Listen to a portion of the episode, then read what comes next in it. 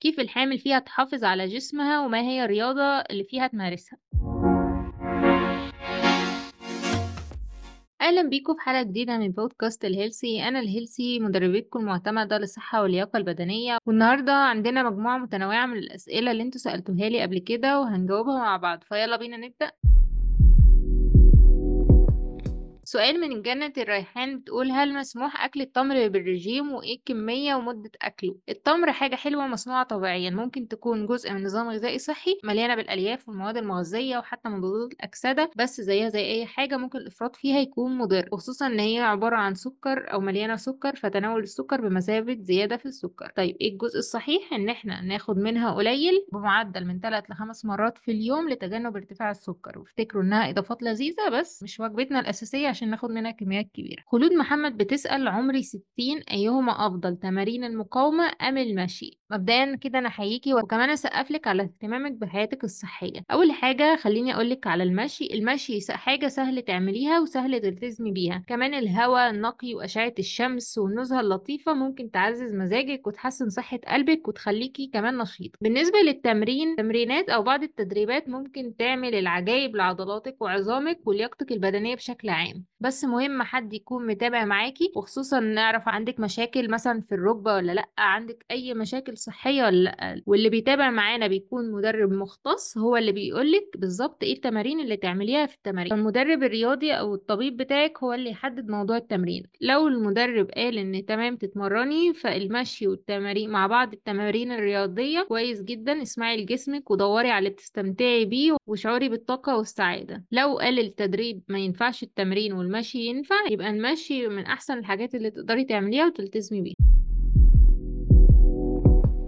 منال مصطفى بتقول ابني عنده تسع سنين بيلعب كرة قدم عشان أزود وزنه ومش عارفة أكله إيه ومش عارفة أعمل إيه. مبدئيا شغف ابنك بكرة القدم رائع. افتكري إن زيادة الوزن الصحي لطفل عنده تسع سنين. وهقولك كيفية تغذية نموه أول حاجة لازم مهم يكون في نظام غذائي متوازن. تركزي على الفواكه خضروات حبوب كاملة بروتين. وكمان الدهون الصحية زي زبدة الفول السوداني اللي هتديه الطاقة والكربوهيدرات المعقدة زي البطاطا. كل الحاجات دي هتوفر له العناصر الغذائية لجسمه وعقله. رقم اتنين الترطيب. المية المية هي أفضل صديق ليه شجعيه دايما إن هو يفضل يشرب مية طول اليوم عشان جسمه يفضل رطب ونشط. كمان النوم العظام بتاعة السن الصغير محتاجة الراحة اضيفي لمدة نوم كويسة كل ليلة. وافتكري تركزي على صحته العامة ورفاهيته ومش بس زيادة وزنه. ما تحاوليش تأكليه أكل كتير غير صحي لمجرد إن وزنه يزيد في الرقم وخلاص. إحنا همنا إنه يزيد زيادة صحية. فاهتمي بجودة أكله واحتفلوا بروحه الرياضية وارشدوه دايما إن هو ياخد خيارات صحية من شأنها تغذي مستقبله المذهل.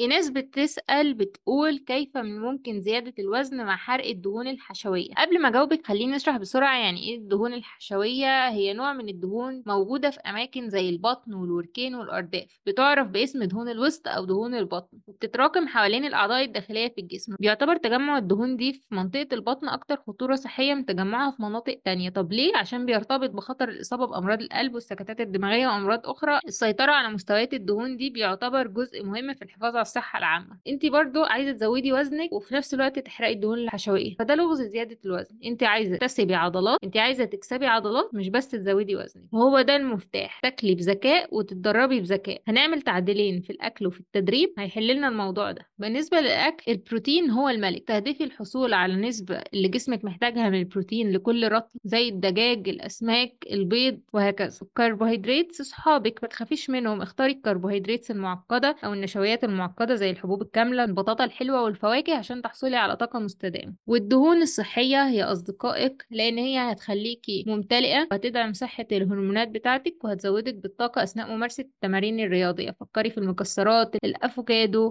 زيت الزيتون. أما بالنسبة للتدريب تدريب القوة هو سلاحك السري. ركزي على التمارين المركبة زي ال squats وال push-ups اللي بتشغل مجموعات عضلية متعددة. ممكن كمان الحمل الزايد التدريجي أو ال progressive overload اللي قلناه في الحلقة اللي فاتت إن أنت تزودي الوزن أو التكرارات أو المجموعات تدريجيا بمرور الوقت عشان توصلي إن انت تتحدي عضلاتك وتبني جسم أكبر وأقوى. ومهم الراحة والتعافي. بلاش تفرطي في التدريب امنحي عضلاتك وقت إن هي تقدر تبني نفسها تاني من خلال أيام الراحة والنوم المناسب. افتكري إن اكتساب الوزن الصحي بيحتاج وقت ومجهود. ركزي على إن انت تاكلي أطعمة مغذية وادي الأولوية لتدريبات القوة. واسمعي لجسمك واحتفلي بالتقدم مش بس الرقم الموجود على الميزان. ماسة الشام بتسأل كيف الحامل فيها تحافظ على جسمها وما هي الرياضة اللي فيها تمارسها. أول حاجة مبروك قريب هتبقي ماما. أنا هقسم السؤال نصين. أنت سألتي على ال... إزاي تحافظي على جسمك وسألتي على الرياضة اللي ممكن تمارسيها. أول حاجة إزاي تحافظي على جسمك عن طريق التغذية.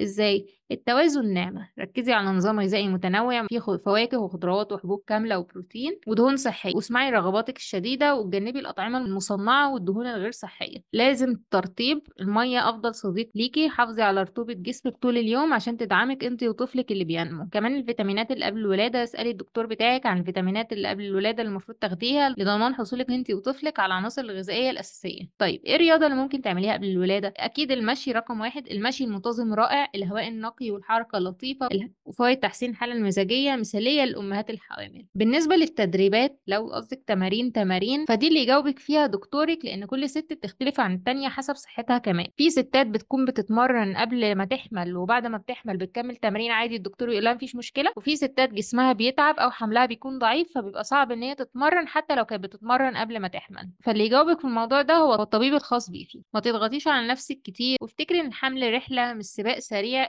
احتضني جسمك المتغير وتحركي بطرق تخليكي تحسي إنك مرتاحة ودي الأولوية للخيارات الصحية ليكي ولطفلك. انت آلة معجزة وده كان كل اللي في حلقة النهاردة من بودكاست ال Healthy حبيت أجاوب على أكتر الأسئلة اللي بتتسألني. لو لسه عندكم أسئلة تانية ابعتوها لي على وسائل التواصل الاجتماعي وأنا هحطها وهرد عليها في حلقات تانية من بودكاست ال Healthy شكرا ليكم على متابعة الحلقة من بودكاست ال Healthy لو عجبتك الحلقة ما تنساش تشاركها مع الناس اللي انت بتحبهم وتشترك في البودكاست. ولحد الحلقة الجاية افضل إيجابي وحافظ على صحتك. hayata kultizon biriyor.